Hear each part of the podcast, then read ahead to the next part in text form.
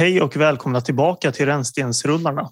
Podcasten där vi pratar om förlorade, förbisedda och bortglömda filmer för att se om de förtjänar att bli räddade ur rännstenen eller inte. Med mig idag har jag mina vänner Andreas. Och Rasmus. Vad, vad heter du då Jonathan? Ja, men åh. Okej, då får jag börja om. Nej, men kör på det. Det blir bra så här. Nej, men det, nej, men det går inte. Vi, ja, men jag kör. en Okej, okay, försök tre.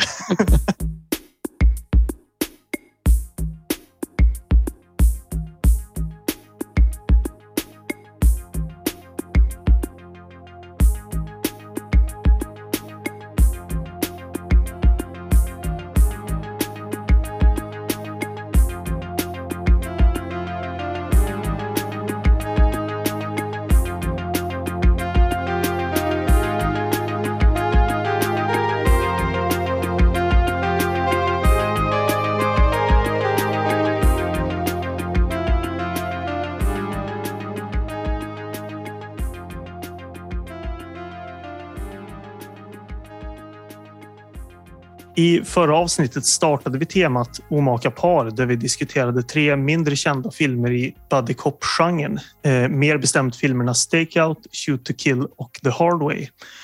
Eh, vi ska fortsätta på samma tema i dagens avsnitt, men innan vi ger oss in på filmerna i fråga som vi ska diskutera idag eh, så ska vi köra en snabb recap på begreppet rännstensrullarna eller rännstensrulle eh, och vad vi menar med det här. Eh, vill ni höra en lite längre diskussion eh, där vi går igenom eh, det här också så gör vi det i början på första avsnittet.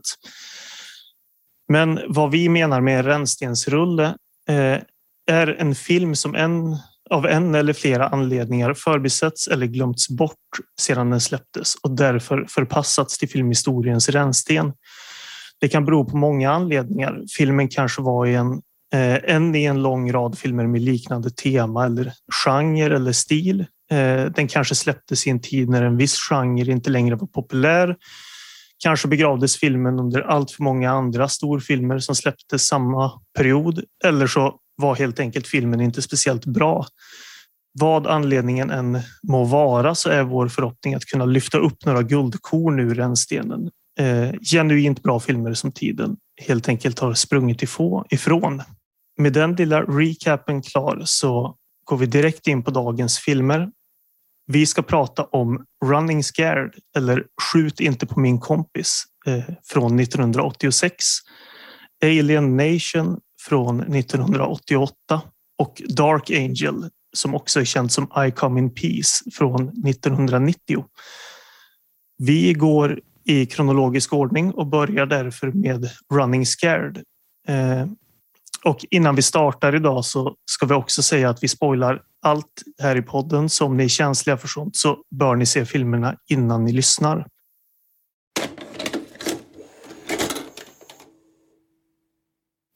ska nämna lite namn som står bakom den här filmen också. Den är ju regisserad av Peter Himes som eh, vi har nämnt tidigare i första avsnittet. Ehm, han är väl mest känd för Outland som vi har pratat om tidigare, inte filmen det vill säga, men vi har nämnt den och det är nog en film vi kommer att återkomma till i framtiden också.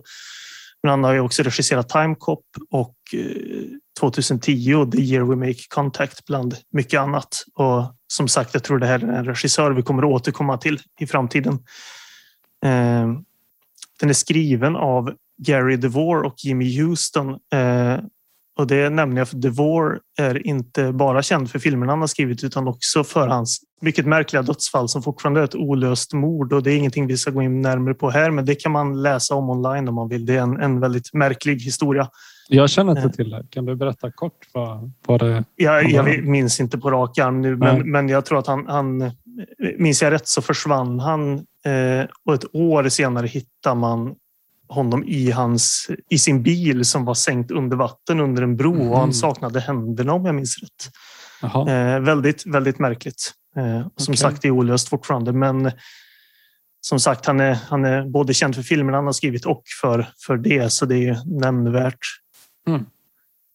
Men om vi då ska gå vidare från all kringinformation och så ska jag läsa en synopsis för Running Scared eller Skjut inte på min kompis som den heter på den här svenska VHS eh, på det svenska VHS-omslaget jag Mm. hittat.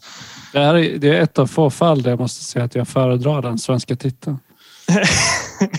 Running Ja. Scared eh, låter, det är så väldigt så här, eh, generiskt. Eh, men skjut inte på min kompis. Det, är- jag vet inte. Det har mer patos, tänker jag. Precis.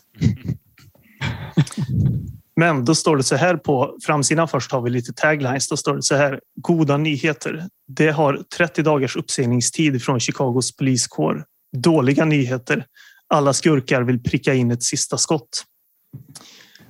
Och så står det så här på baksidan. Våldsam actionfilm med massor av skratt i regi av Peter Hyams som gjorde Capricorn One halsbrytande thrillerkomedi med Gregory Hines från Vita nätter och tv-komikern Billy Crystal, känd från Ludder. Jag vet inte om ni vet vilken, om Ludder var en serie eller vad? Ja, det var väl eh, Soap, hette den. Ja, just det. Så, Den har ett väldigt catchigt eh, intro, eh, ledmotiv, vet jag. ja, Sen ja, vet jag ja. inte så mycket mer. jag vet inte om Billy Crystal var känd. Nej, jag vet Innan- inte heller. innan, eh, Jag funderade på det. Eh, When Harry Met Sally var väl 1989 och det känns, Ah. känns i alla fall som att han blev, blev riktigt känd i och med den. Ja, Eh, absolut. Visste ni att han är med i Spinal Tap? Nej, det hade jag ingen aning Nej, det, det visste inte jag heller. Han spelar Morty the Mime. Det, det, alltså det låter bekant när du säger det, men det känns snarare som en sån sak som jag har läst någon gång.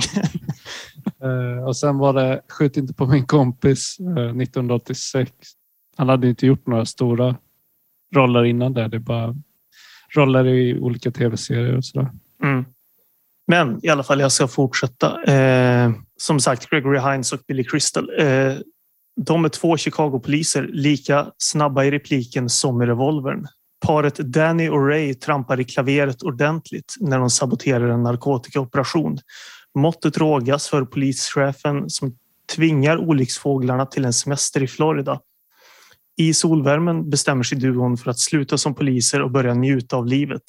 Nu gäller det bara att hålla sig vid liv under uppsägningstiden trots visslande kulkärvar från deras ärkefiende, narkotikakungen Julio Gonzales. Kulskärvar. Ja, jag tänkte visslande kulskärvor. Ja, det? det, ska sägas. Eh, det är ganska lågupplöst här, det här omslaget, så jag försöker, försöker tyda. Jag ser här att det finns... Eh, Vad fan är en kulskärv? jag ty- eller står det kul, Kul- kul, kul- visslan? Kulsvärmar kanske? Nej, nej, att, Nej. Att, att det är ett K ser jag. Att, det- så ja, det, Märkligt. det borde vara kul. Ja.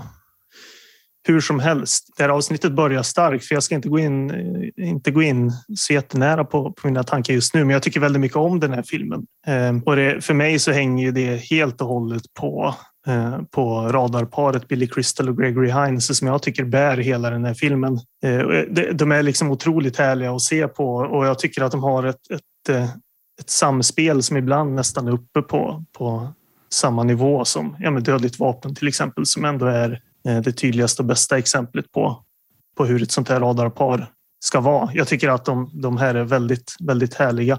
Sen så är det, jag tycker det är kul också med, med filmens setting där den utspelar sig i Chicago. Det gör sig bra med den här kontrasten till Key West som man, man besöker senare i filmen.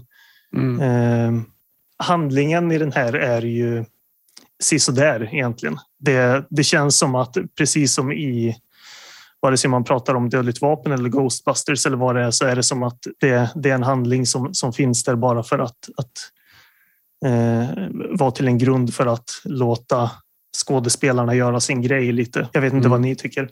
Nej, men jag håller med. Eh, Jag tycker att eh, alltså filmen som helhet inte är speciellt bra. Men det som bär den är precis som du säger. Gregory Hines och, och Billy Crystal och deras samspel. Så, så, som radarpar betraktat så, så funkar ju de liksom och gör ändå att filmen är underhållande att titta på. Men så, som berättelse betraktat så, så är den ju, skulle jag säga, ganska misslyckad. Alltså den, den, den, den byter riktning på ett väldigt konstigt sätt flera gånger. Som, som till exempel när de eh, blir tvingade att ta den här semesterresan liksom, och det blir montage. ner. Vart är det de reser någonstans? Jag kommer inte ihåg. Key West Ja, de reser till Key West och man får se dem så här Eh, de träffar tjejer där nere och de är ute och fiskar och liksom lever livets glada dagar. Det känns som att eh, filmen eh, tappar så mycket fart där. Det, är väldigt konstigt så här, tonskifte. Från att ha varit den här ganska frenetiska jakten på den här maffiabossen Julio till att de plötsligt är där nere och lajar omkring. Liksom. Mm, det, är ett, det är ett långt montage. Det är, väl ja, det är ett jättelångt montage. Ja. och sen ska de köpa en bar eller de ska köpa ja, en bar. Och sen, när de kommer hem så är de liksom övertygade om att de ska tillbaka till Key West. De ska lägga ner det här polisarbetet och så vidare. Um, så ja, jag gillar också dem som röda par, men jag tycker filmen är ganska konstig. jag, jag tror att um, problemet är, eller för mig ska sägas, problemet är inte den, den vändningen, eh, vad man ska kalla det.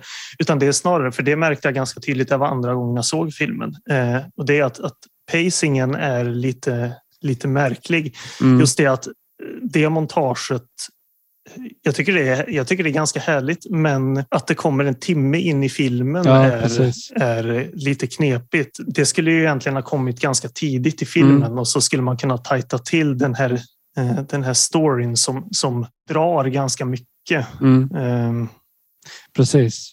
Allting som leder upp till att de ger sig iväg på den här semestern blir på något sätt meningslös. Som, som ehm, eh, Pantolianos karaktär som blir skjuten när de möter eh, Julio på den här, det här fartyget. Mm. Han bara skjuter ihjäl honom. Upp till den punkten så har han blivit också en liksom etablerad huvudkaraktär. Så jag tror att jag som inte visste någonting om den här filmen på förhand såg ju framför mig hur filmen skulle komma att handla om att de här två poliserna eh, jagar den här skurken med hjälp av eh, Joe Pantoliano. Mm. Och att de skulle liksom utveckla någon relation sinsemellan, alltså de tre. Eh, så jag blev, jag blev lite besviken att den, den, tog den här riktningen istället. Och att hans karaktär, alltså Joe Pantolianos karaktär bara skjuts av och sen är det liksom eh, de återkommer aldrig till, till honom.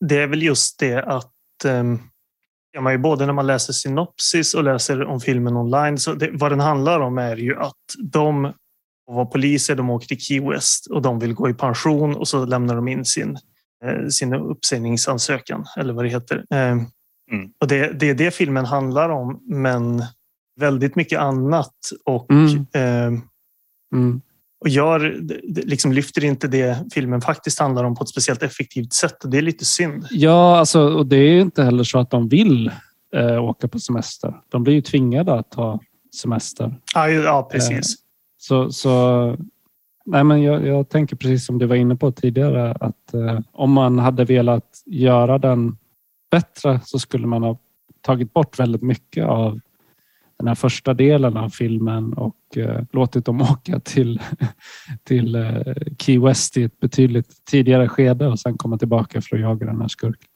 Jag tycker ändå att det märks här att, eh, eh att det är en regissör som är eh, men då kan regissera actionscener. För jag tycker att eh, den eh, man kommer in på en annan sak där, för det är lite, det, det, är lite lustigt att den här filmen omnämns både på omslaget och i många recensioner som att den ska vara väldigt våldsam. Eh, jag vet inte vad ni tycker, men det här är ju eh, kanske den minst våldsamma filmen vi har pratat om, både i det här avsnittet och, och eh, det tidigare. Alltså actionscenerna är bra och Peter Himes är en bra actionregissör. Mm. Eh, men det är ju inte, om man ska gå händelserna lite i förväg, alltså en film som Alien Nation är mycket betydligt våldsammare än vad den här är. Ja, mm. oh ja. det får man konstatera.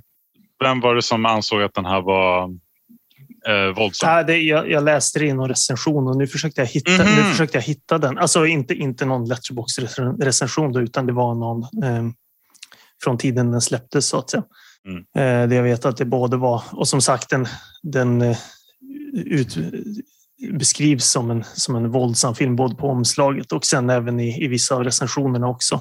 Eh, jag tyckte det var märkligt. Jag vet inte riktigt vad det beror på att man ansåg att den här var, var så våldsam. Som sagt, det, det är väl den minst våldsamma filmen vi har pratat om.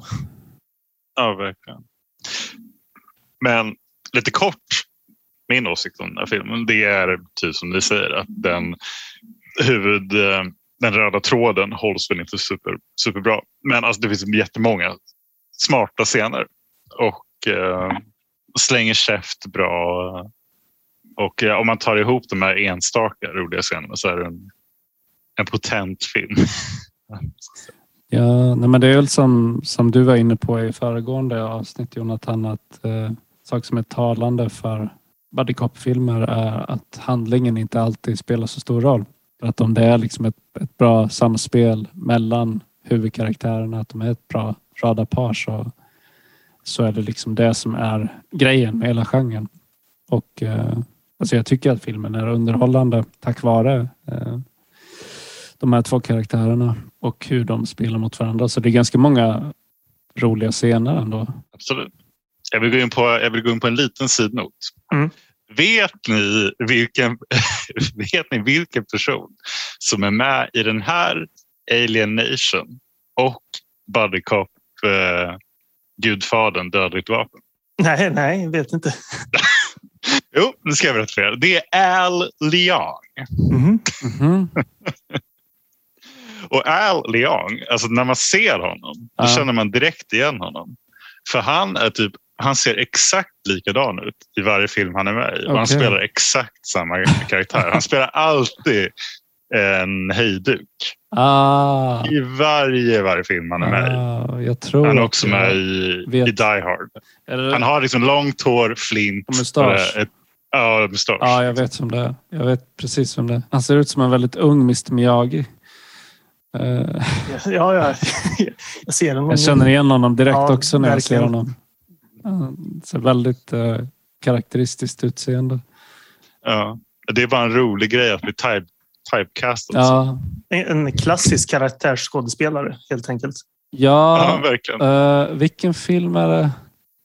Fan. Nej, det, nu blandar jag ihop. Jag, han är inte med i Dark Angel också? För att det är, Jo, han är med i Dark alla Okej, sa du det? Vad sjukt ändå. Ja. Ja, Prickade, prickade tre filmer i samma avsnitt. Men, ja, men det är härligt. Han är med i Die Hard också.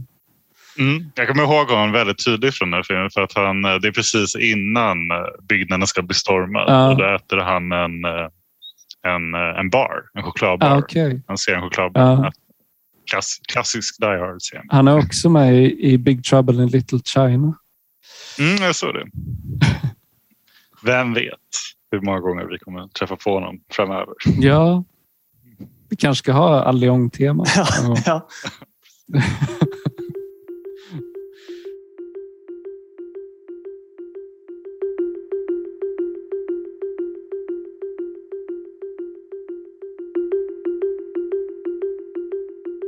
Jag vill nämna också eh, den, har, den här filmen har ju ett otroligt bra soundtrack, tycker jag. Eh, Ja, med, Mm. eh, med det här fantastiska titelspåret Sweet Freedom av eh, eh, Yacht Rock-kungen Michael McDonald från, från Doobie Brothers Mm. bland annat. Mm. Fantastisk låt. Ja. Älskar sånt där. Eh, Man känner igen hans röst på en gång. Ja, ja, så här, riktigt husky voice.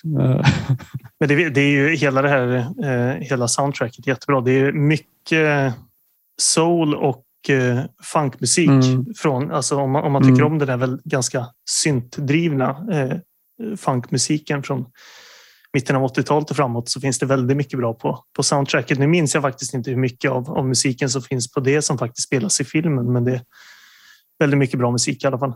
Ja, det, blir, det blir ännu ett sidospår, men eh, det, ehm, man kan lyssna på eh, Michael McDonald och ehm, vad heter han där? Ehm, han som sjunger eh, Danger Zone. Han som har sjungit alla led Footloose och så Ja, vidare. Ken, Kenny, La- Kenny Loggins, ja precis. Mm. Michael McDonald och Kenny Loggins sjunger på en jättebra låt av, av eh, eh, Thundercat heter artisten. Han är basist och, och eh, Mm. ja, multi-instrumentalist tror jag. Eh, och han gjorde en låt med Kenny Loggins och Michael McDonald som är väldigt bra. Show me the way tror jag att den heter. Så det kan man också lyssna på. Det blir mycket musiktips nu, men det, det finns mycket. Det är inte den här Visa mig hur man går hem. Det är inte den. Nej, nej, det vet jag inte vad det Det, det är en, den heter Show me the way är. original. Jaha, nej, nej. Show me the way to go nej, home. nej, nej. Du, du, du, du, Kan inte det? Nej, nej, nej. Det, nu är vi ute på djupt, djupt vatten vad det gäller min musik. Mitt musikkunnande. Ja. eh, vad är det för låt som spelas när de åker på den här eh, semestern? Ja, det, det, är ju, det är ju Sweet Freedom. ah, det är samma som i introt? Eller? Ja, alltså, det, inte, du, har, du har ju ett det? ledmotiv eh, som heter Running Scared som jag råkar se Ja, är just det. av Just det. Ja, ihop Rod Temperton. Eh, det är han som har gjort Mm. scoret, Mm. så att säga. Eh, musiken som inte är soundtrack. Så det är ju ledmotivet kan man säga, men det är ju, det är ju eh, Michael McDonald-låten som är liksom... Man kan väl säga att den, det känns snarare som ledmotivet för filmen. Och känslan den vill förmedla som. Mm. Absolut. De har väldigt fina magtröjor. De är, Ja, såna avklippta college-tröjor. En stil man borde ta tillbaka. ja, Det, precis. Det, det borde vi verkligen göra. det är mycket stil i alla de här filmerna som man borde, borde ta tillbaka. Mm. Det kan jag också återkomma till när vi kommer in på Alien Nation. Men det, det, det är mycket, mycket stilikoner här som... Även Dark Angel, tänker jag. Ja, Eh, verkligen. verkligen. Man skulle kunna göra en kombination av eh, den här liksom cyberpunk-estetiken och de här Key West magtröjorna. Men eh, ja, det, det är ett ganska märkligt montage tycker jag. Där i- Key West. Det, det är lite samma fenomen som vi pratade om förra gången också. Att det finns så här tonmässiga problem Ja, absolut. I den här konstatera. Eh, eh, en, en sån grej som jag tänkte väldigt mycket på slutscenen. Eh, så jag vet inte om ni tänkte på det, men jag tyckte det var en så otroligt märklig scen där på slutet när Billy Crystal står och kysser sin fru och Gregory Hines står och så här flinar över Julios lik och så kommer de här två andra polissnubbarna som de har haft en beef med under hela filmens gång. Och sen så här, eh, de skämtar lite med dem också och sen går allihopa eh, därifrån. Eller då, eh, Billy Crystal, Gregory Hines och, och Billy Crystals fru går därifrån och är så här jätteglada och Ja. allting är härligt. känns som en klassisk eh, inramning. Slutet av en film. Ska det vara bad guys lik. Det, det är kanske därifrån det här eh, pratet om att den är så våldsam kommer. att, att man har Ja, det. just det. Och, någonting så bisarrt över att de står och pa- passionerat kysser varandra liksom en och en halv meter ifrån. ett, ett eh, lik som liksom ligger och så här studsar längst ner i en rulltrappa. En annan scen som, som också är, det, det är väl lite på samma tema, men det, den som också är väldigt märklig, det är ju eh, Gregory Hines är hemma med sin fru. Jag, vet inte om de, jag minns inte om de ligger och sover nu, men, men eh, och så kommer Billy Crystal hem eh, och, och de bara sätter sig på sängkanten, liksom är deppiga. och Gregory Hines fru så här, ligger i sängen i, bak, i bakgrunden och bara låter dem sitta och, och diskutera på sängkanten. Det är, Ja. liksom, det är fint på något sätt. Men Ja, nej, men det är ju inte hans, det är inte hans fru heller. Alltså, det där är ju tjejen som man träffar i början på filmen på en bar. Ja, ju- ja just det. Så För det, det, är en, det är en till annan sån där scen eh, i början av filmen. Eh, när Gregory Hines och den här tjejen har spenderat natten ihop för första gången så bara dyker Billy Crystal upp i Gregory Hines lägenhet och sätter sig på sängkanten då också. Ja, ja, men precis. För de vaknar upp nakna i sängen där och sen sitter Billy Crystal där och snackar. Liksom. Och det är så här, eh, Gregory Hines verkar inte reagera något eh, konstigt på det överhuvudtaget. Men jag har skrivit i mina anteckningar att de har en märklig relation till varandra. det, det finns inga eh, gränser. Gränslös vänskapsrelation. precis.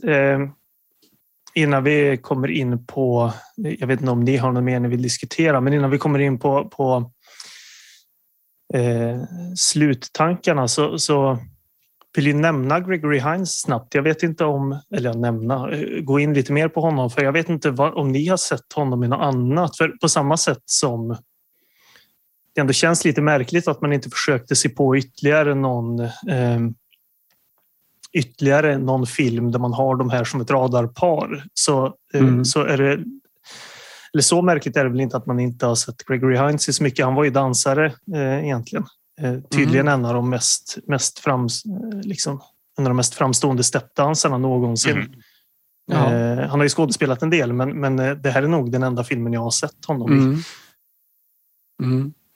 Nej, jag, jag har inte sett honom i någonting annat heller. Nej, inte heller. Men han är bra. Det... Ja, absolut. Absolut. Eh, det tycker jag också. Han har gjort en film som heter Tap från 1989. Mm. Jag, tror att, jag tror att många känner igen eh, den här filmen White Nights eller Vita nätter eh, som också ja, är en dansfilm. Det. Men med, jag kommer ja. inte ihåg vad han heter, den där ryska dansaren som är så känd. Eh. Jag kommer inte ihåg heller. Får jag bara läsa synopsis för den här filmen Tap? Mm. Den är regisserad och skriven av Nick Castle.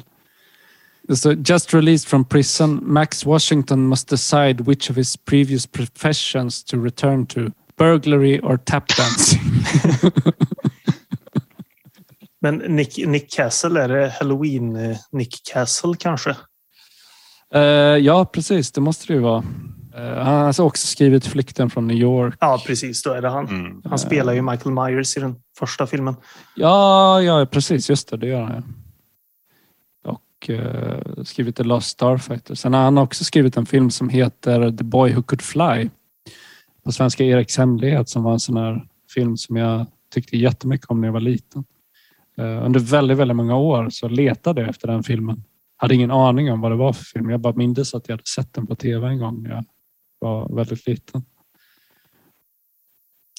Det var verkligen ett sidospår. Ja. Ja, den var, den var bra. Mm. Tap, tap dancing or burglar. Svårt val. ja, men då, då, jag, har en, jag har mer sidospår som vi kan ta innan vi avslutar diskussionen om Running Scared. Eh, det, jag läste lite mer om Gregory Hines och då såg jag han har ju spelat in en skiva 1988 också som faktiskt var väldigt mm. bra. Eh, återigen lite liknande stil. Det här eh, syntiga eh, funkmusiken. Liksom. Men mm. jag, jag tyckte den var väldigt mm. bra. Eh, påminner mycket om Luther Vandross till rösten, en av mina favoritartister. Och de, det var faktiskt Luther Vandross som skrev en av, av eh, singlarna från den här skivan. Mm. Såg jag i efterhand. Då. Men eh, den tyckte jag mycket om faktiskt. Eh, så det är också ett, ännu ett musiktips. Men han hade många strängar på sin lyra, Gregory Hines uppenbarligen.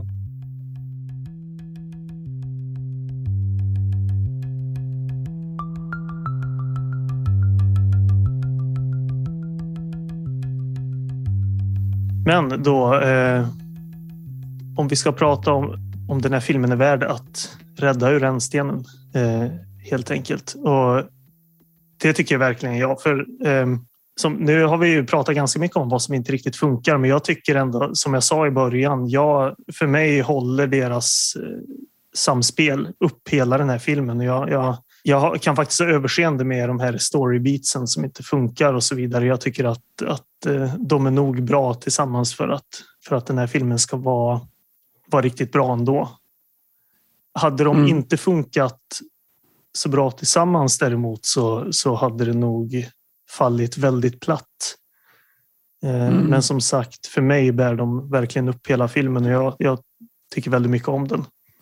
Eh, jag tycker om eh, den delen av filmen som leder fram till att de åker på semester till Key West. Eh, vilket väl är första timmen av filmen. Vi har inte pratat så mycket om, om Joe Pantoliano.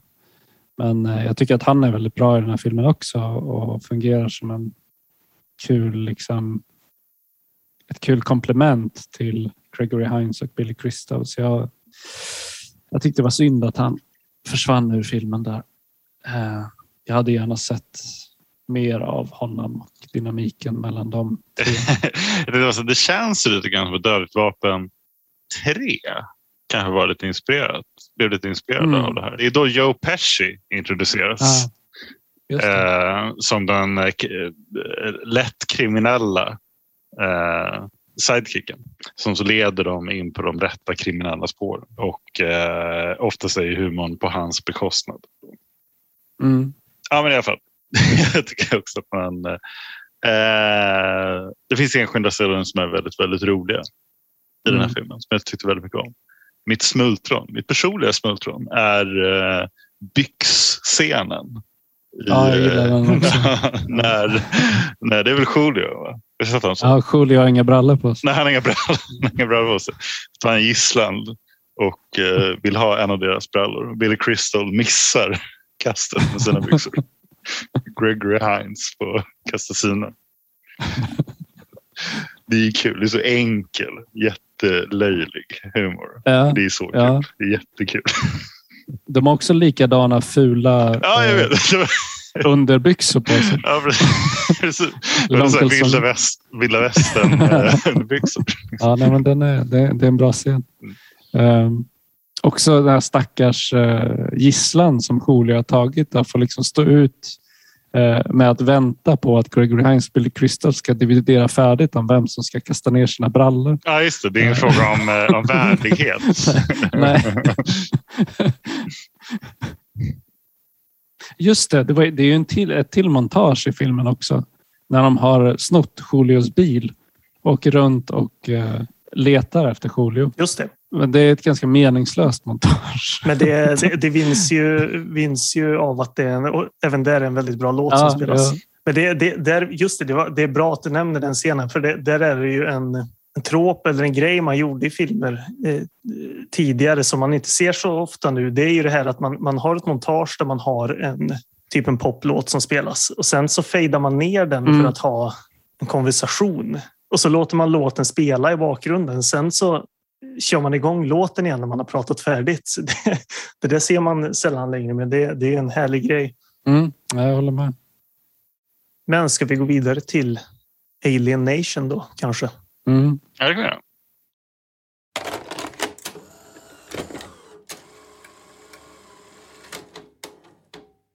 Alien Nation från 1989. Eh, den här filmen den öppnar med att man får se eh, Matthew Sykes. En eh, detektiv spelad av James Caan. Förlora sin partner Bill Tuggle i en shootout under ett rån. När redan nästa dag då får Sykes en ny partner som heter Sam Francisco spelad av Mandy Patinkin. Och vad är det som är så, så speciellt med Sam Francisco? Jo, han är en alien. Helt sjukt. Det är nämligen så här att den här filmen utspelar sig hela tre år i framtiden, 1991 där 300 000 aliens har koloniserat jorden. Eh, och eh, jag tror att det är hela jorden, i alla fall USA. Och en av de här aliensarna det är ju då Sam Francisco. Och anledningen till att Sykes tvingas para ihop med honom det är för att det är eh, ett slags program som polisen har utvecklat. Att eh, de här aliens eller eh, slags som de också kallas ska integreras i samhället. Och Sykes är inte så överlycklig över det här. Han har ju eh, han har sina åsikter om de här slagsen. Eh, de är inte så goda. Eh, men tillsammans tvingas de i alla fall lösa ett fall. Eh, och fallet är då i samband med det här rånet eh, som filmen öppnar med. Vem som mördade hans partner. Och det här mordet utfördes då av en, en alien, en slag. Och det är ett garn att nysta i och San Francisco visar sig ha väldigt speciella färdigheter som är väldigt förmånliga i detta fall. Ja, ska jag, ska jag säga, det var, det var en väldigt kort, eh, var den för kort? Nej, nej, det var jättebra. Synopsis. jättebra. Det, det gjorde en väldigt bra sammanfattning. Mm. Ja, precis. Ja, vi kan säga det. Vi hade ingen rolig VHS för den här att läsa upp. Ja, jag tänker att det där var bättre än vad som förmodligen hade stått på en hypotetisk VHS. Ja, ja precis. Troligtvis. Eh, ja, någonting som är väldigt centralt eh, i den här filmen som utvecklar sig då det är eh, att det kretsar kring en drog. Alltså en drog som bara är verkbar på de här slagsen eller newcomers är väl mer politiskt korrekta termen. Ja, för att slagsen är väl, eh, vad heter det, ett, eh, vad heter det? Slur. Eh, Ah, slur. Precis. precis. Racial slur. Ett så kallat pejorativ. Just det. Ett. Tack. I alla fall. Det utvecklar sig till att det handlar om den här drogen, Jabroka. Ja, nu vet jag inte om vi går händelserna i förväg, men det tyckte jag var en väldigt intressant, eh, intressant djup till den här eh, alienrasen. Att eh, den här drogen, att den framställdes. De här aliensarna, de var eh, från början liksom skapta för att vara slavar. Och när de hade slavat tillräckligt mycket då fick de i belöning den här drogen. Då. Och ju mer de slavade desto mer droger fick de.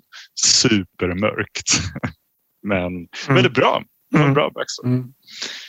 Eh, ja, i alla fall. Jag tyckte den var bra. Mm. Jag tyckte att den absoluta största höjdpunkten är James, eh, James Caan. Jag vill inte säga att han bär hela filmen, men det är otroligt underhållande eh, skådespel och eh, jag tycker det är bra, bra kemi. Det är väldigt ovanlig kemi eh, mellan han och San Francisco. Det, det, det sker ganska snabbt ändå den här att James Khans värderingar förändras. Eh, det sker nästan, tycker jag, direkt efter de har introducerats, eh, introducerat sig för varandra. Att James Caan är väldigt, väldigt på med sina fördomar och eh, möts av liksom, San Franciscos stoiska och lugna eh, Väldigt rationella. Ja, väldigt rationella syn. Liksom. Eh, väldigt kul. Kul. Mm. Fin, fin kemi tyckte jag. Och fin eh, relation.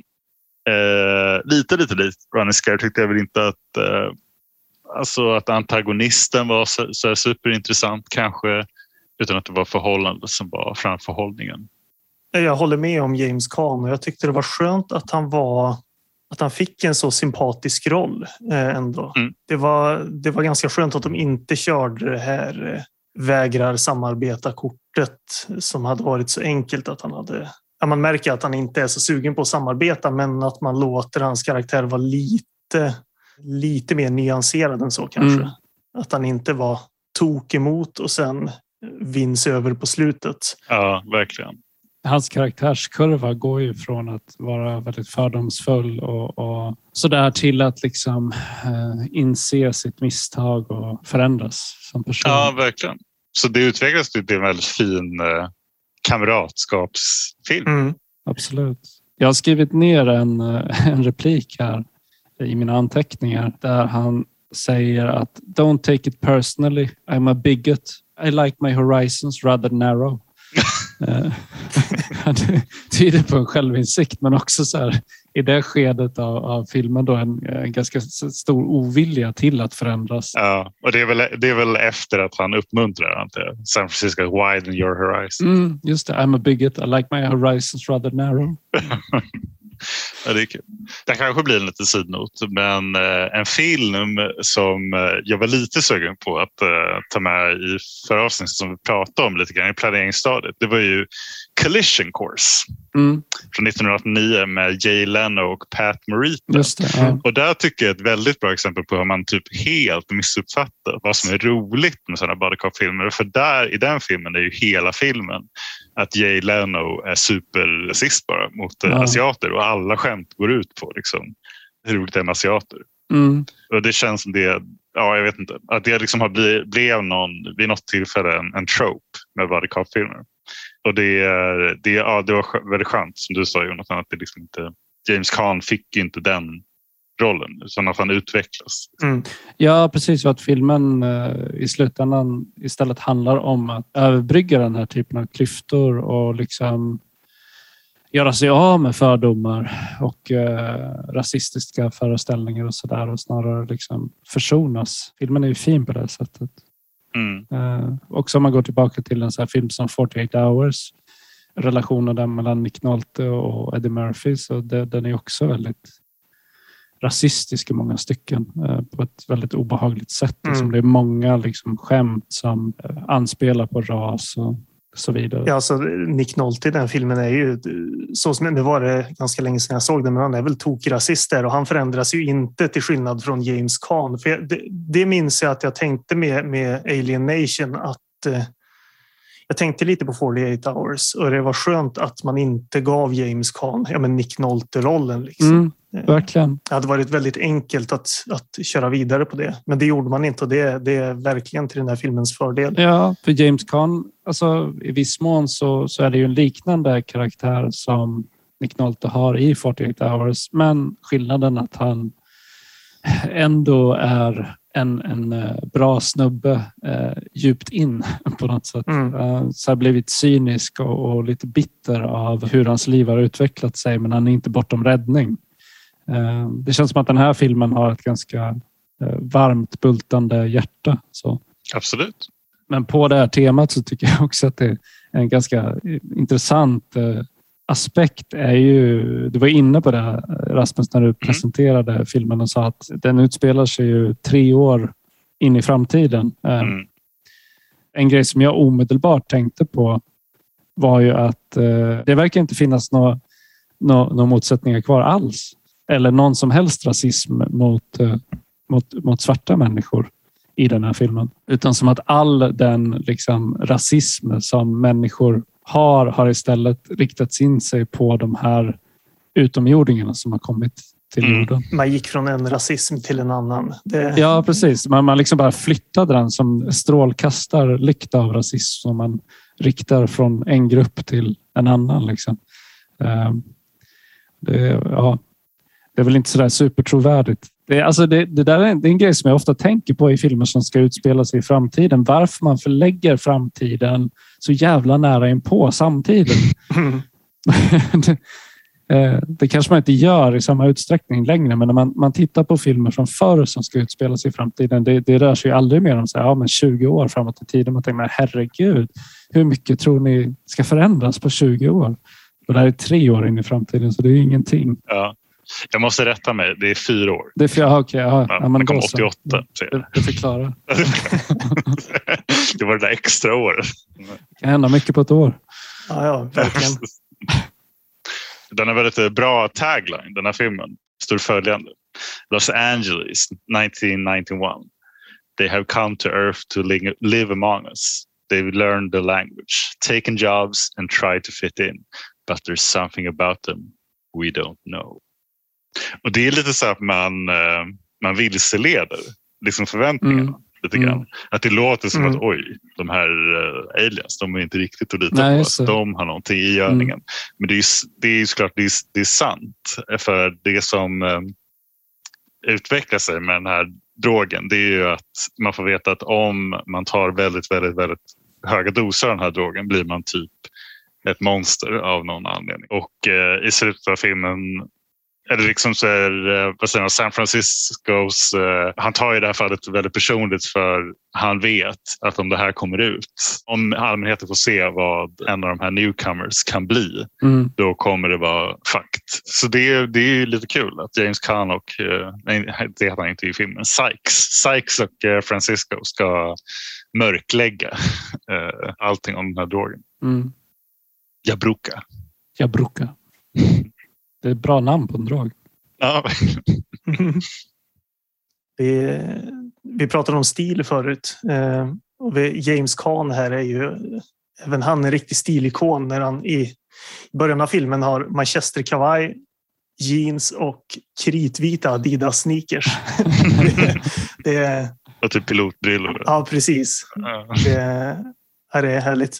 Jag har en del lite, lite småpunkter jag vill ta upp också.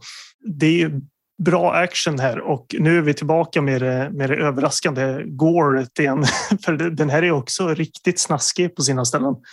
Eh, eh, speciellt i den här första shootouten minns jag att eh, mycket, mycket squibs i den här med. Mm. Sen så är eh, jag minns det inte som att det är fullt så mycket action i den här ändå överlag. Man, har, man har dragit tillbaka lite, Mm. lite där. Det är, det en biljakt i slutet. Det är väl kanske det mest intensiva. Eh, en annan sidnot. Eh, den här filmen lyfter fram eh, ett återkommande tema, vilket är äcklig mat i buddy cop-filmer. Bra att du tar upp det, för det vill jag också prata om. här är ju riktigt äcklig mat. Ja, Det, här var, det, var äckligt, det var äckligt på riktigt. Det, ja. jag, jag tänker framför allt på... Det, det är två grejer jag vill ta upp. Som människor dricker sprit i den här filmen så dricker eh, utomjordingarna sur mjölk. Mm. Eh, och det är någon scen där han häller upp sur mjölk och det är klumpar i. Och det var, Mm. det, det Ja. var, så, det var så här kvällningsvarning. Det var otroligt äckligt för det var lite för nära verkligheten. Med, Ja, det var, ja, det var äckligt.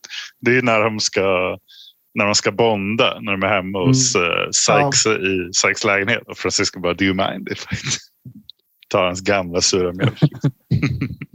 sen, sen är de på något... Eh, de köper typ hamburgare eller någonting eh, på ett ställe. Mm. Han käkar bäver, eller hur? ja, det är bäver.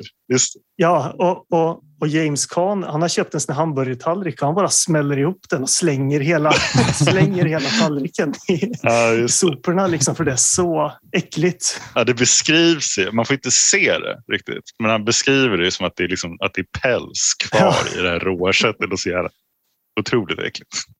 Eh, men en grej som man kan säga med den här filmen är att den var inte en superflopp faktiskt när, när den kom.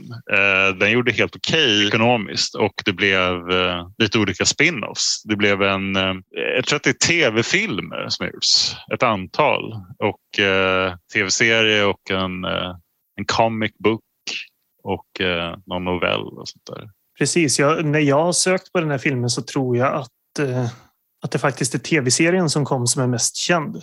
Ja, ah, det är så. Jag vet inte om hur, hur populär den var då, men det verkar vara en sån där serie som många tycker mycket om.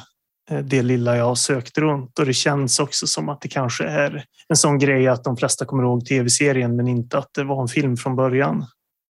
Jag tycker också det är lite kul det där. Jag har ju inte sagt att han har ett konstigt namn, San Francisco. Och det beror ju på att alla de här har väldigt enkla eh, utomjordingsnamn men att de har blivit tilldelade. Ja, Men- det, precis. Det är ju som att liksom, mänskligheten kollektivt bestämde sig för att jävlas. Alla har fått så här, namn som är döpta efter historiska personer eller platser. Eller, ja. En annan eh, intressant grej tyckte jag var att eh, James Caan är ju i sitt privatliv väldigt misslyckad. Han har ju en ganska trasig relation till sin dotter och sådär och verkar inte vara särskilt nöjd med tillvaron. Medan San Francisco har ju liksom, han lever ju på något sätt den amerikanska drömmen med Mm. så white picket fence och han liksom eh, är lyckligt gift och har eh, fina barn och, och sådär. Eh, Mm. så han väldigt liksom tryggt och lyckligt familjeliv. Verkligen har liksom anammat eh, idén om den amerikanska drömmen och, och lyckats uppfylla den också. Ja, verkligen. Eh, Vill ju nämna också när James Caan och, eh, och Francisco, när, när de sitter hemma och dricker. Jag tyckte att eh, James Caans skådespel, när alltså skådespelare var på fyllan var lite kusligt accurate när han ska försöka dra ett skämt som han aldrig lyckas dra på rätt sätt. Och så där. Det så, här att man får lite rysningar om man har försökt med det där på IRL så att säga. Hur går skämtet? Jag, kommer inte, jag minns inte. Jag tror faktiskt inte man får riktigt veta skämtet. Man får bara... Nej, men han säger, han säger så här. Och doktorn skulle ta ut termostaten och sen var det pennan och sen det var någonting. Ja, det var i, var i röven. Så bara, ah! och sen ser man San Franciscos... Hans stoneface. Ja, nej, men det var, det var kul.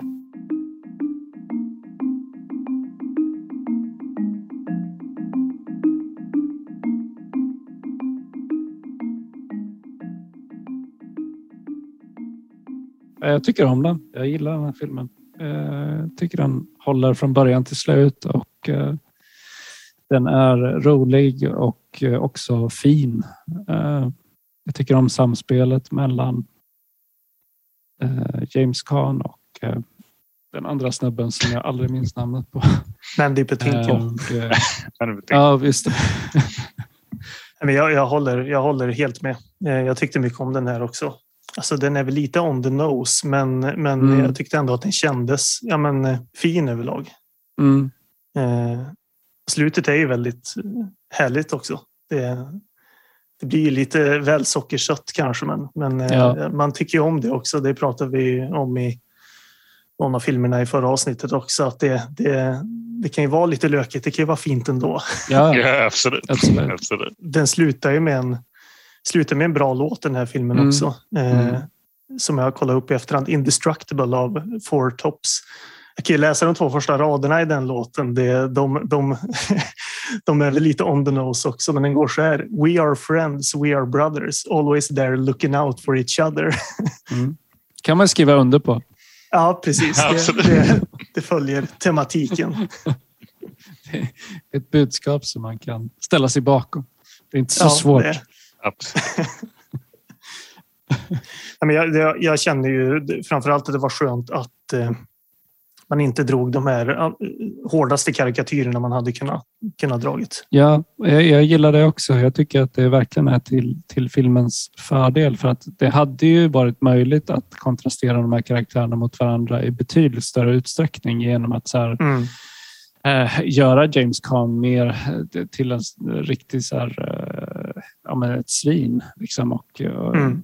Mm. utpräglad och oförbätterlig eh, rasist. Men det är han ju inte utan han, han liksom, det är möjligt för honom att ändra sina fördomar och, och bli en bättre människa. Liksom. Ja, Jag håller med. Jag tyckte den var jävligt bra. Det var kul att jag var mer inställd på att det skulle vara en skön actionfilm ett roligt koncept. Men sen så blev det en, en väldigt genuint fin, fin kamratfilm.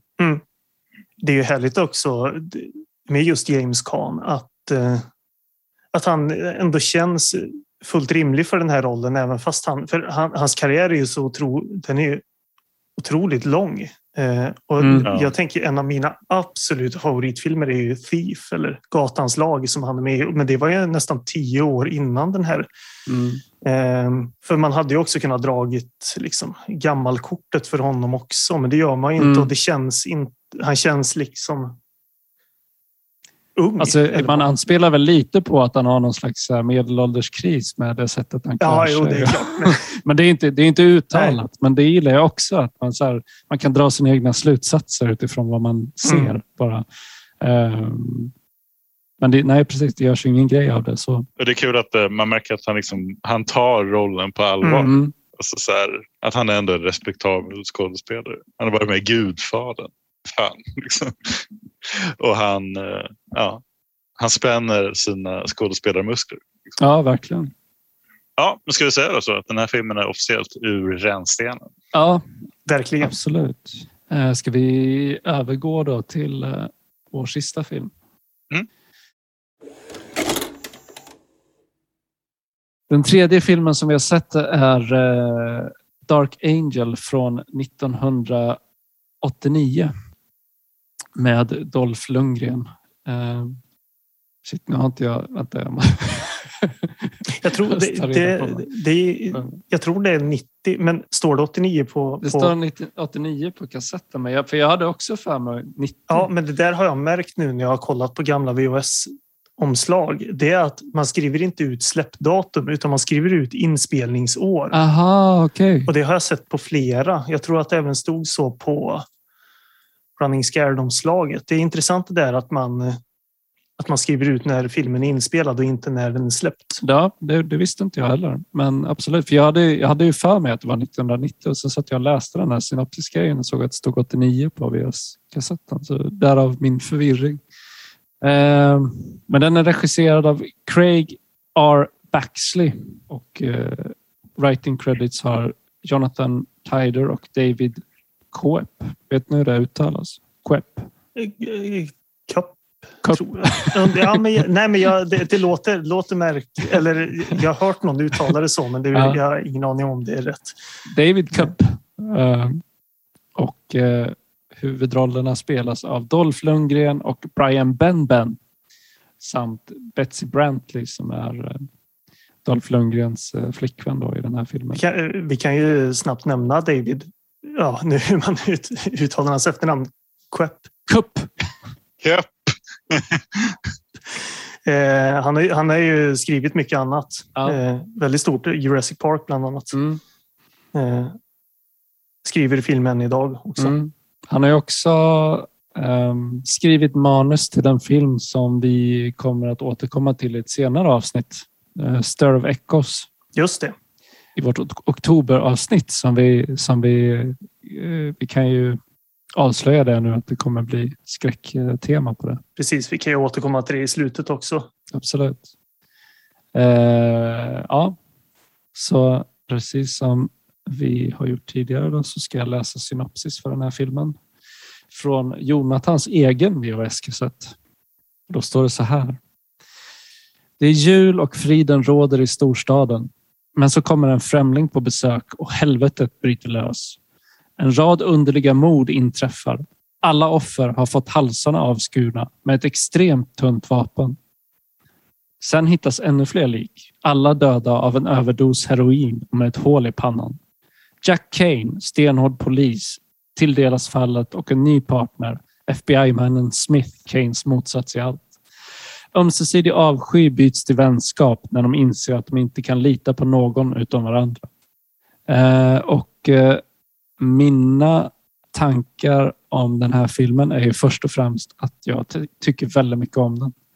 Eh, den, den här har ganska stora likheter med, med öppningsscenen i eh, Alien Nation i det att du har eh, eh två poliser eh, som är partners och den ena blir skjuten. Då. Så, så i den här filmen så är det Dolph Lundgren som förlorar sin partner. De gör en så här undercover operation och eh, hans partner är inne och förhandlar med några maffiabossar och låtsas själv vara kriminell och Dolph Lundgren sitter i en polisbil utanför då och eh, avlyssnar det här och är redo på att få signalen för när han ska springa in för att eh, hjälpa sin partner. Eh, men så under tiden så dyker det upp några rånare som, som eh, rånar en kiosk alldeles intill och Dolph Lundgren kastar sig in där för att eh, rädda situationen. Och, eh, medan det händer så skjuter de här eh, maffiaskurkarna ihjäl hans partner eh, och han hinner liksom inte dit i tid eh, för att rädda honom. Och eh, på grund av det här då, så blir ju Dolph Lundgren såklart väldigt eh, upprörd eh, och vill utkräva hämnd. Han får en personlig vendetta till de här maffiaskurkarna och vill ta sin hämnd på dem. Men det finns en del märkliga omständigheter med det här fallet. Hjälp mig nu, hur är det? De, alla i den här första scenen har fått sina halsar avskurna. Precis. Ja. I ett väldigt tidigt skede så är det också en så här eh, en okänd agent som plötsligt dyker upp från en annan liksom, eh, instans. Som de, de vet inte var han kommer ifrån och plötsligt så är det han som har liksom auktoritet över fallet och bestämmer vilka som ska vara med och utreda. Det. Man, man, får ju faktiskt se, se den här utomjordingen precis under förtexterna i den här scenen med, med mannen som kör bil och hans CD-spelare börjar krångla, vilket ska visa sig ha med saken att göra. Jag tror till och med att ut, den här mördaren, utomjordingen, drar sin eh, vad heter det, tagline. I come in peace. Eh, precis. Eh, vi kan komma in på Dolph Lundgren för jag gillar sättet han introduceras på med, med allt som är bra med 80-talet. Det är liksom neon, glastegel, regniga gator när han sitter i bilen där utanför. Det, jag tycker att väldigt mycket av den här filmen andas eh, Miami Vice. Mm. Vi såg att komma till musiken där det verkligen är ett, ett eh, en koppling till Miami Vice. Eh, men jag tycker att det är mycket med filmen som, som känns lite som, som Miami Vice mm. om man bortser från såklart eh, sci-fi elementen. Mm. Ja, absolut, den är, väl, den är snygg på ett liknande sätt som, som Miami mm. Vice är och väldigt så här, eh, stilmedveten eh, rakt igenom. Mm. Men man, kan, man kan ju prata om musiken också. Det är ju Jan Hammer eller eh, Jan Hammer som såklart är mest känd för att ha gjort musiken till just Miami Vice som gör musiken till den här filmen också. Den är ju otroligt bra. Mm. Ja, absolut. Verkligen. Nej, men det som händer är att Dolph Lundgren får en ny partner. Då. Och, eh, som alltid i buddy cop-filmer så kom de ju inte särskilt bra överens. Eh, Dolph Lundgren är ju den här... Eh, eh han är en loner. Eh, som eh, vill arbeta själv. Ja, men han, vill, han vill köra sin grej. Han vill inte ha någon, någon pencil pusher som, Nej, som precis. kommer från FBI som ska hänga med honom. Han är ute efter hämnd snarare än att lösa det här fallet. Liksom. Verkligen.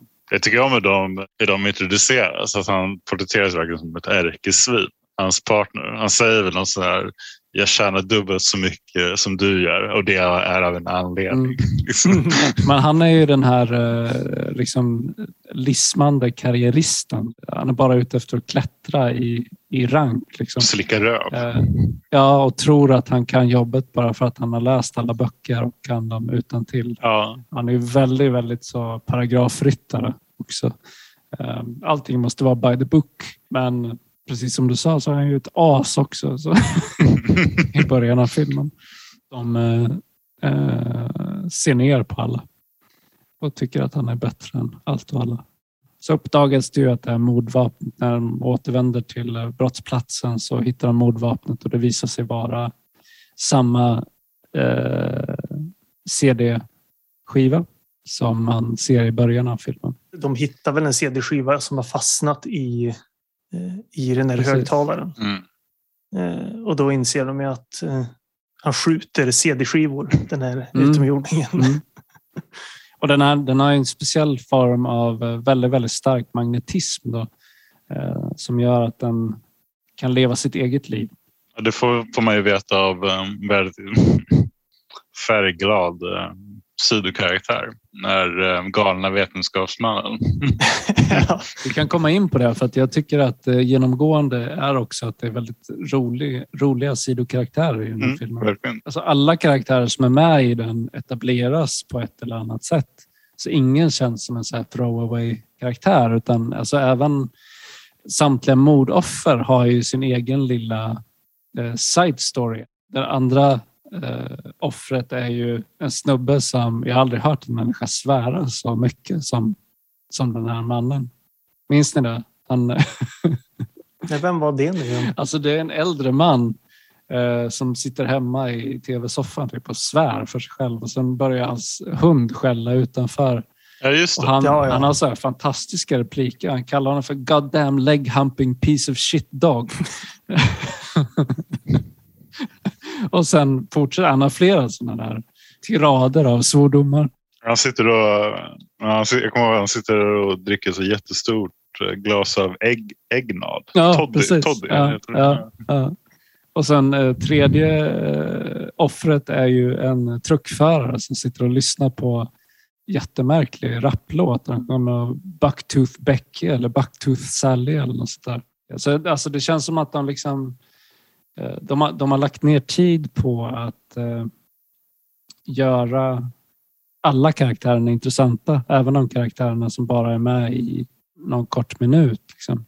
Den här vetenskapsmannen eh, som de går till för att ta reda på vad, vad den här CD-disken är för någonting och hur den fungerar. Jag tycker han är, han är ju skitbra. Mm. Jag tycker det är väldigt kul att Dolph Lundgren, Kane, att han råkar känna honom. Att det är hans Mm, kompis. ja, det är ens polare. Det, Han har väl något, så här, något väldigt, väldigt allvarligt, eh, allvarliga tics. Eh, mm, mm. eh, drag. Ja, nej, han är ju superspeedad. Alltså han, han är ju så här eh, junkie. så det finns ju den här scenen när han, när han ställer sig och bara skriker. Han Ja, skriker rakt ut och sen Ja, återgår han till ett han är liksom så här primalskrik mitt i en mening. Ja. Eh, sen gör han så här skitkonstigt. Han lägger sig på, på bänken. Mm, just det. Han gör sig själv till en kringle. Typ. Ja, och gör sig själv till en kringa med raka ben så här, fäll, fäller, ut, fäller ihop sig själv som en fällkniv på bordet och fortsätter konversationen. Eh, så otroligt konstig sak att göra. Men allting spelas liksom straight, så varken Dolph Lundgren eller hans partner eh, rör ju en min. Liksom. Det är, man undrar hur, hur, hur tankegången gick när man skrev in, skrev in en sån karaktär. Ja, Ja, verkligen. Jag vet, det är många sådana roliga detaljer i den här filmen som tillför väldigt mycket till karaktärerna och till den här världen som de befinner sig i. Och på samma sätt så, alltså de här eh, maffiasnubbarna det är ju inte en vanlig maffia utan de kallar sig ju för uh, The White Boys. Och så här superflamboyanta kostymnissar. Det är som en armé av Richard Batemans, alltså Richard Bateman Mm. i, American Psycho, som också gör någonting för... Det gör att jag som tittare, jag vill, jag vill väldigt gärna veta mer om de här. Jag vill veta mer om vad det är för typ av kultur som de har, för de verkar vara väldigt, väldigt utseendefixerade. Eh, de har jättefina bilar som de inte vill repa. Eh, så att till varje pris undvika att få blod på, på mattan. Liksom. Eh, det, det är många sådana detaljer i den här filmen som jag tycker gör det till en väldigt kul film. Ja. Jag, jag förstår lite grann, jag kämpade lite grann med att förklara filmen för att det är en jävla soppa. Ja, det är det. det, är det. De här white boys som, ska, som snor heroin och sen så är det två aliens en av de aliens ska ta det här heroinet och sen har han nå- något annat, eh, en egen agenda och, liksom, Mm. och Dolph Lundgren Mm. kommer in mitt ibland det där och kämpar mot båda två. Liksom. Ja, alltså det, det är väldigt... eh, Det, det är många eh, trådar som pågår samtidigt. Det som det visar sig handla om i slutändan är ju att den här blonda, långhåriga aliensnubben, eh, han är ju på sin hemplanet en knarklangare. En vanlig simpel knarklangare. Så han har liksom kommit till jorden för att utvinna endorfiner eh, ur människor som han så här, eh, sparar på på flaska och ska ta med hem och eh, sälja till junkies på sin egen planet. Och han är då jagad av en polis från sin egen planet. Mm. Eh, En nark. en En nark, ja nark. precis. Alien nark. Filmen hade ju så, det hade så lätt kunnat handla om de två bara. Ja. Men, men de är ju också bara så här biroller. Redan från början så är det ganska intressant eh, att man väljer att just fokusera på den här eh, vanliga snuten och hans FBI-partner istället Mm. för att fokusera på aliensarna. Jag tycker att det gör det till en mer intressant film också därför att det känns som att Dolph Lundgren och eh, Ben Ben de är hela tiden out of the, out of the loop. De Mm. fattar inte vad det är de utreder. liksom. De är så hela tiden steget efter. Alltså om jag minns det rätt så är det ganska lång tid alltså innan han stötte på Mm, den här ja, ja. Eh, utomjordingen. Ja. Och att man ens börjar fatta vad fan det är som, vad det är som Mm, pågår. mm. Liksom. Det var andra gången jag såg den här filmen och eh, det reagerar jag allra mest på. Jag tror att det är nästan 50 minuter in Mm. som man överhuvudtaget inte introducerar den här eh, Terminator Kyle Reese-handlingen som pågår vid sidan om. Det var jättemärkligt att man, man liksom börjar förstå det själv. Säga, jaha, vänta nu. Mm. Det här är ju en helt annan handling som Ja. pågår också, som man, inte, som man knappt nämner. Precis. Ja. Ja, det blir väldigt komiskt. Alltså, när det har gått typ inte, en och en halv timme så, ska, så då säger Dolph Lundgren till sin part du, aliens. Ja. Det är aliens som är här. Det är därför. så vi ut. ja. Eh, Det blir ju som ett skämt i sig att det här börjar som en ganska standard hämndfilm. Att han ska hämnas sin mördade partner och utvecklar sig till någon form av kosmisk... Mm. Det måste jag säga, det glömde jag helt bort under filmens gång.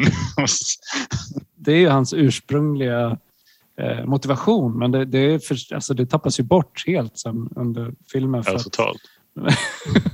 det visar sig att de, de jagar en, en uh, utomjordisk skurk istället.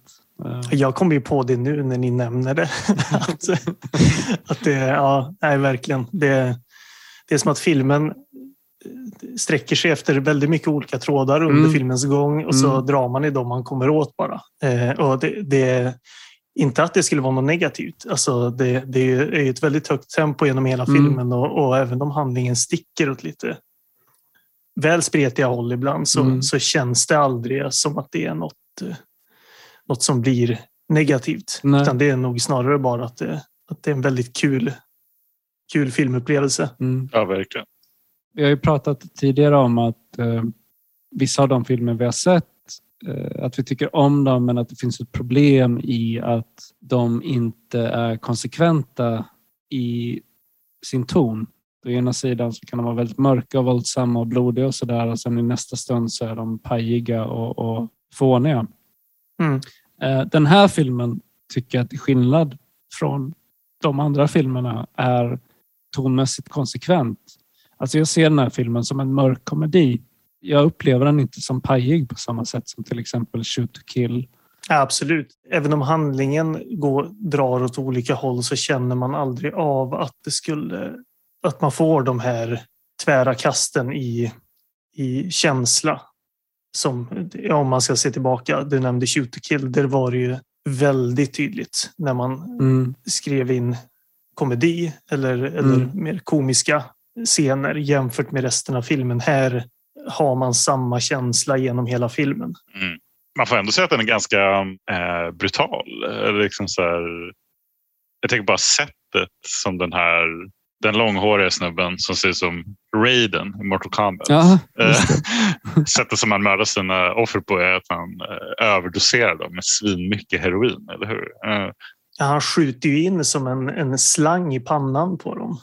Ja, just det. Och sen en Mm. liten mygga typ som man... eh, Ja, ja, först, tar, först tar han väl typ heroin i bröstet Mm. Och sen, så, och sen så tar han end- endorfinet ur hjärnan. Mm. antar Mm, just det. Jag tycker att den repliken, I come in peace, är ju också, det är också ett skämt.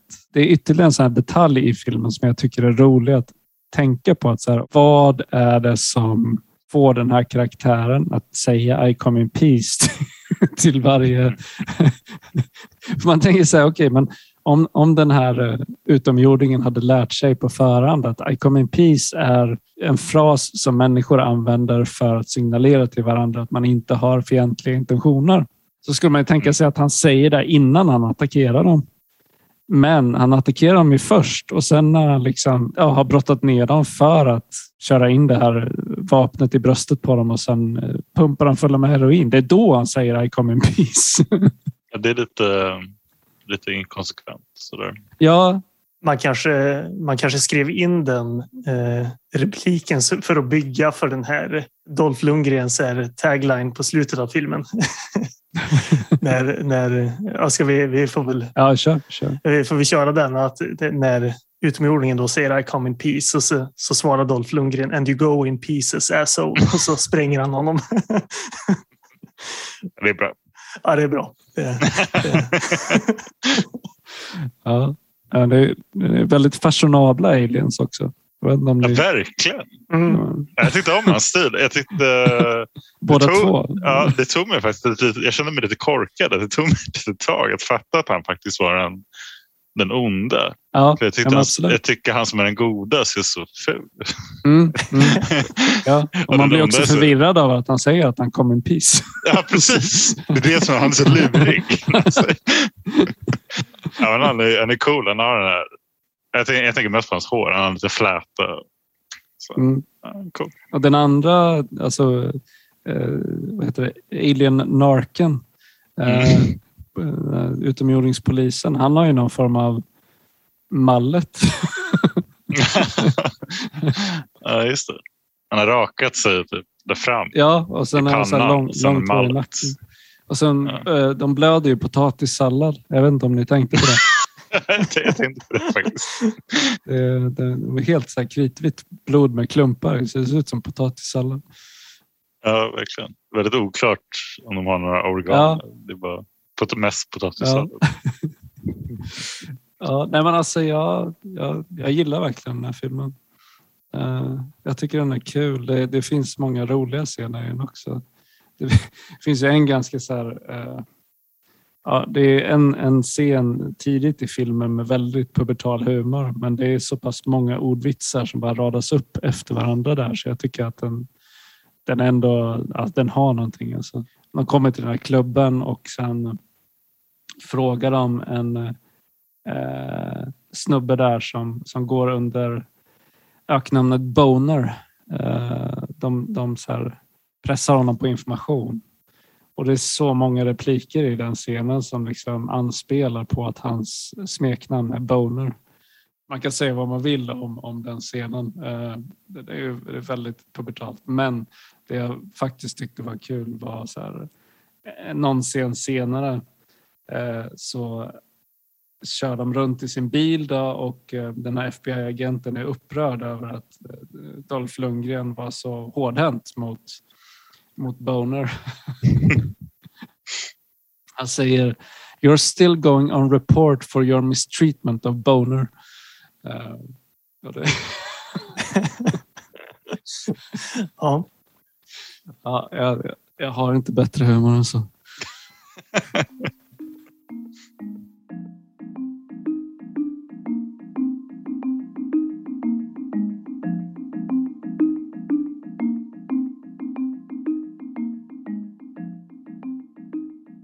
Vad tyckte du om uh, kärlekshistorien? I den här filmen så tyckte jag faktiskt om den. Ja, det gjorde uh, det. Ja, och anledningen till det är för att hon var en mer intressant karaktär än uh, kärleksintressena i de andra filmerna.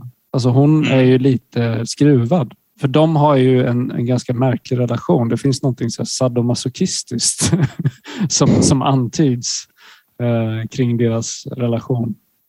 Han är också obducent och verkar ju tycka väldigt mycket om sitt jobb.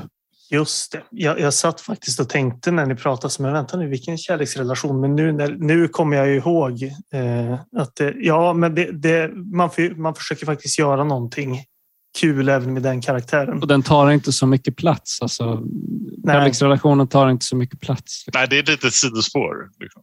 Men filmen börjar ju med att han, eh, hon är väldigt arg på honom för att han har varit borta i åtta dagar. Och, och likaså hans eh, polischefen är också väldigt upprörd över att han har varit borta i åtta dagar. Men man får aldrig reda på var fan han har varit någonstans. Nej, nej jag fattar inte riktigt. han, han har försvunnit och inte sagt till någon vart han har tagit vägen. Men, uh, de har typ trott att han var död. Liksom. Men alla säger att uh, Kane då är en man av sitt ord. Så det Kane säger, det kommer han alltid att eh, hålla. Det han lovar kommer han alltid att hålla. Men han lovar ju väldigt sällan någonting. det, det, är inte så svårt att vara man of his word om man aldrig ger några löften. Eh. Man försöker ju i den här filmen också eh, nyansera Dolph Lundgrens karaktär lite för de utmålar honom som den här, ja men just som en straight shooter. Han vill inte ha någon FBI-agent med sig och sen så eh, eh, gör man ju den här ganska enkla vändningen kan jag tycka när han kommer hem till mm. Dolph Lundgren och det visar sig att han har konst på väggarna och tycker om vin. yes. Men, alltså det, där, det uppfattar jag också som ett ganska så här underfundigt skämt. Alltså mm. att man leker med, med den här eh, stereotypen. För man skulle ju ha föreställt sig att han lever i en jävla håla, att han mm. super för mycket och, och liksom bara lever för sitt jobb. Men så, så här, man kommer hem till honom och ser hans eh, partner, då, FBI-agenten, blir så helt paff när han kliver in genom dörren och ser att han bor i en sjukt stor välstädad lägenhet med mm. massa konst på väggarna och att han plockar fram liksom fina vinflaskor och ja, sippar på i så fina vinglas. Och men det är ju som ett skämt för att man tänker sig, vad fan har han fått alla pengar ifrån? Han måste vara rik som ett troll. Ja, precis. och det får man heller aldrig någon förklaring på. Så här, okay. men, eh, men jag älskar ju sånt alltså, i filmen. När, när det är så här oväntade saker som dyker upp och att man heller inte bryr sig om att äh, gräva så mycket i det. Utan ja, man får bara acceptera att det är så, så det är. Han förmodligen har en jävla massa pengar så det, det, det tillför också någonting till den här karaktären som gör honom intressant. Mm, absolut. Det är ett härligt så här, eh, näven i luften slut också. Ja, verkligen. När, när, när den här låten som börjar ja, också. Free, väldigt... freeze frame. Liksom. Mm. Ja, precis. Mm. Men eh, vad, vad, ska vi börja avrunda och se vad vi tycker om den här filmen? Vad, jag, jag har ju redan avslöjat eh, min mening, men vad säger ni? Jag tyckte den var kul. Eh, jävligt bra ös. Ja. Eh, och jag tyckte om, jag tyckte om soppan ändå. Den här röriga, rörigheten. Den, den klarar, sig, eh, klarar sig verkligen välbehållen eller, eh, eller vad man ska säga i och med att den håller ett så högt tempo genom hela filmen. Handlingen kan ju sticka iväg men man tänker inte så mycket på det. Eller man, man tänker på det, men snarare som en kul grej än att eh, det är något som är negativt för filmens helhet. Mm. i och med att den har det tempot, väldigt mycket härliga karaktärer, håller nere liksom. Att den, den håller sig till, det är 90 minuter. Det är inte så att det, man hade kunnat kapat 10 minuter här eller där. Utan det, den håller tempot uppe och jag, det, jag tycker verkligen om den jag också. Det här är faktiskt av, av alla de sex filmer vi har sett på Buddy Cop eh, eh, i Buddy Cop-genren så är det här min favorit. Och väldigt mycket av det har att göra med, med eh, de här sakerna jag tagit upp. Alltså jag, jag tycker att den gör allting rätt när det kommer till det här med birollerna och eh, att eh, liksom eh, strössla med, med detaljer som gör att jag blir liksom fascinerad av den här världen som, som filmen utspelar sig i. Och, ja, jag tycker verkligen om den här filmen. Den är värd att se. Eh, och den borde, borde få mer uppmärksamhet än vad den har fått. Eh, jag tror inte att det här betraktas som en kultklassiker men jag tycker att den, den har liksom allt som krävs för att förtjäna att bli betraktad så. Absolut. Jag tror att något av, eh, något av de här bolagen som släpper fina nyutgåvor har släppt den. Men jag undrar om det är så att den bara finns typ i USA. Att det är något av de Eh, Arrow är väl ett av de större. De har inte släppt den utan det är något av de amerikanska bolagen som jag vet för ett antal år sedan släppte den här. Men jag håller med. Det känns som att eh, det borde vara en sån film som fler eh, fler sådana bolag borde ha plockat upp. Mm. Mm. Jag tycker att Dolph Lundgren verkligen kommer till sin rätt i den här filmen också. Att man ser att han faktiskt kan skådespela. Eh, om man får rätt roll så gör han sig väldigt väl som, som huvudroll. Jag tycker han är bra här. Jag har nog aldrig sett honom i en, i en huvudroll. Nej, nej. Han har kvaliteter som, som jag tror att många inte tänker på. Eh, han har ju varit med i mycket sån här direkt-video actionfilm. Alltså man bortser från, från Rocky 4 såklart. Jag tänker ju på, på Showdown in Little Tokyo också som är typ de eh, bästa 80 minuterna man kan ha. ja, ja. ja, verkligen en härlig film. Det är ganska få som har förstått vad han gör bra. Ja, det är klart att han är bra som, som Ivan Drago, men när, man, när han får göra någonting så att säga så gör han det verkligen bra också. Det, han, är, alltså, han är väldigt rolig mm. utan att eh, gå runt och quippa så mm. mycket. Ja. Ja, nu, han har en framtoning eh, som, är, som är lätt att tycka om. Mm. Eh, när han inte spelar den här eh, liksom, skurken i filmen. Mm. Mm. Ja, det är någonting så här, något väldigt avslappnat, mm. självsäkert mm. Eh, och roligt liksom, mm. samtidigt. Ja, nästan så lite avmätt och trött. Han ser väldigt trött ut hela tiden. Han ser alltid ut som han lider av någon form av sömnbrist. som ett konstant tillstånd av sömnbrist. han låter väldigt svart under ögonen. Det ser ut som att han är på väg att somna hela tiden. Och sen har han den här väldigt släpiga rösten också. Ja, nej, jag gillar Lundgren. Jag tycker att de som radarpar är ganska kul. Har ni något eh, favoritradarpar i alla de filmer som vi har sett? Eh, det, jag håller ju Billy Crystal och Gregory Hines högst. Mm. Med det sagt inte. Jag tycker mycket om den filmen, eh, men jag har ju insett nu när jag såg den andra gången att eh, även fast jag håller den väldigt högt så kanske jag håller med om faktiskt att det är Dark Angel som är den bästa filmen av dem vi har sett eh, i sin helhet mm. ska sägas. Men som radarpar sett så håller jag dem. Håller jag ändå dem allra högst. Mm. För mig personligen så blir det nog bästa radarparet. Eh, Michael J Fox och James Woods.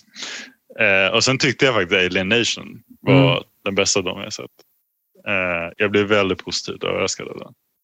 Mm, men jag tyckte Dark Angel var en kanon, kanonfilm också, måste jag säga. Ja, jag gillar också Michael J Fox och James Woods eh, som radarpar betraktat. Har vi något mer att tillägga? Jag tror inte det. Vi kanske ska gå in på en avslutning helt enkelt. Eh, vi tackar för oss för den här gången och eh, nästa avsnitt blir ett eh, skräcktema helt enkelt och vi kommer prata om Race with the Devil, Stir of Echoes och The Mothman Prophecies. Vi finns på Spotify. Vi finns på Podbean och om jag lyckats fixa allt rätt så ska vi också finnas på Google Podcasts nu. Och snart på Apple Podcasts också. Ja, precis. Det, Om jag får arslet ur vagnen. ja. Så det snart finns vi i alla poddspelare. Eh, Vill ni följa podden så finns vi på Instagram under namnet Rannstensrullarna. Alltså Rännstensrullarna fast med ett vanligt A. Eh, och Den försöker jag hålla så uppdaterad som möjligt. Vi finns också på Letterboxd. Eh, Där kan man söka på Rännstensrullarna så dyker vi upp under members. Eh, Sen har vi en mejladress också. Ska vi dra den? Eh, Ja, absolut. Gör det. Eh, Det är randstensrullarna gmail.com. Dit kan man skicka mejl. Ja, och det var det. Tack för ikväll hörni. Tack för oss så hörs vi i framtiden. I oktober. I framtiden. Precis. Var det så långdragna? Säg, säg någonting mer Rasmus. I- Under halloween. Precis. I framtiden. Med i framtiden. skräckfilmer. Shoutout till Mats Olsson. Absolut. Absolut.